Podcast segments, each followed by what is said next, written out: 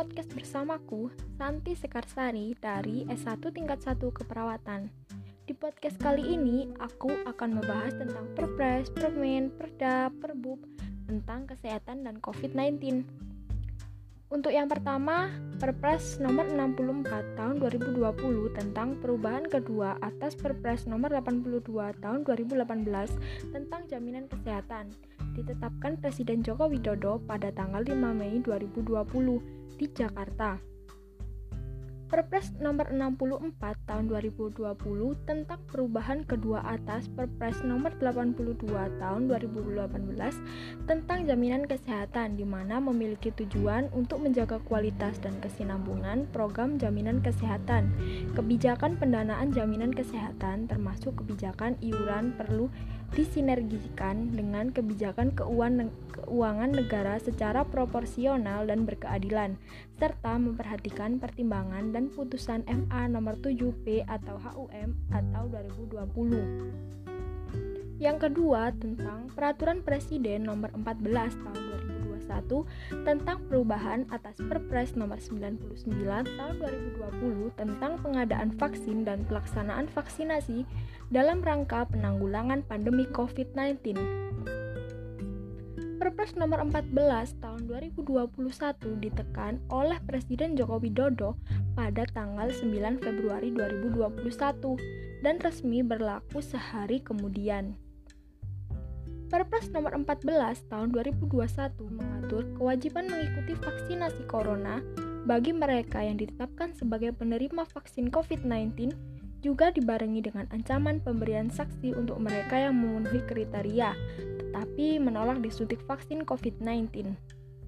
Selain mengatur sanksi bagi mereka yang menolak vaksinasi corona, Perpres nomor 14 tahun 2021 juga memuat ketentuan lain tentang penanganan kejadian ikutan pasca vaksinasi, termasuk jika efek samping vaksin menyebabkan kejadian fatal. Yang ketiga, Peraturan Menteri Kesehatan Republik Indonesia Nomor 84 Tahun 2020 tentang pelaksanaan vaksinasi dalam rangka penanggulangan pandemi coronavirus disease 2019 atau COVID-19. Salah satu yang diatur yakni tentang jadwal dan tahapan vaksinasi.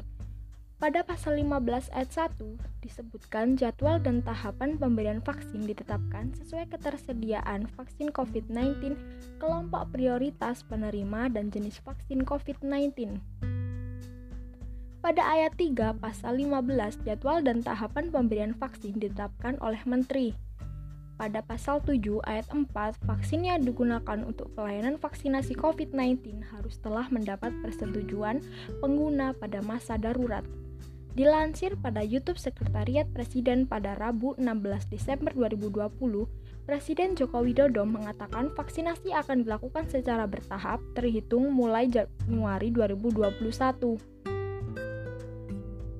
Yang keempat, Peraturan Gubernur Jawa Timur Nomor 53 Tahun 2020 tentang penerapan protokol kesehatan dalam pencegahan dan pengendalian COVID-19 dijelaskan pada pasal 3 ayat 1 dalam rangka menyelenggarakan perlindungan masyarakat karena terjadinya wabah COVID-19 diberlakukan pembatasan kegiatan masyarakat dan penerapan protokol kesehatan.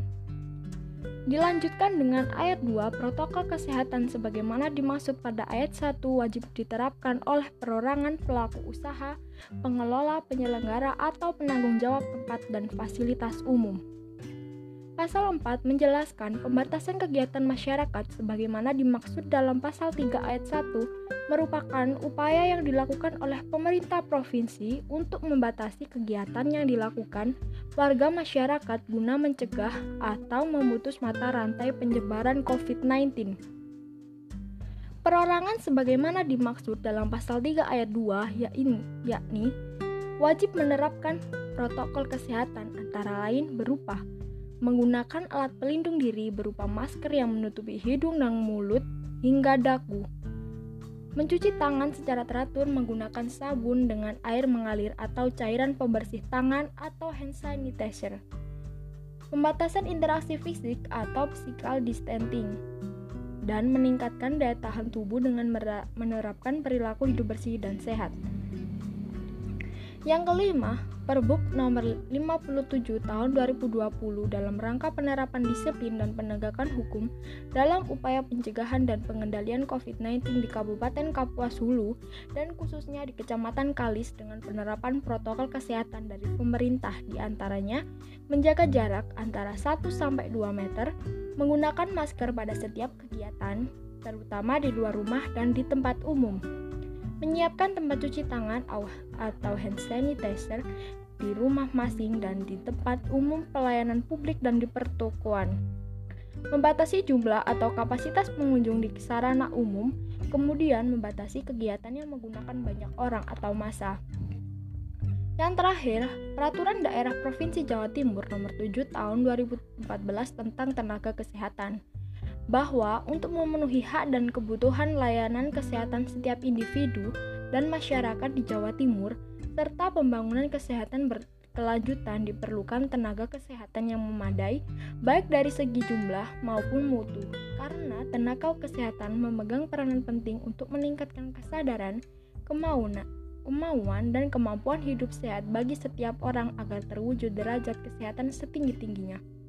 Sekian podcast dari saya. Apabila ada salah kata, mohon dimaafkan. Akhir kata, wassalamualaikum warahmatullahi wabarakatuh. Bye bye.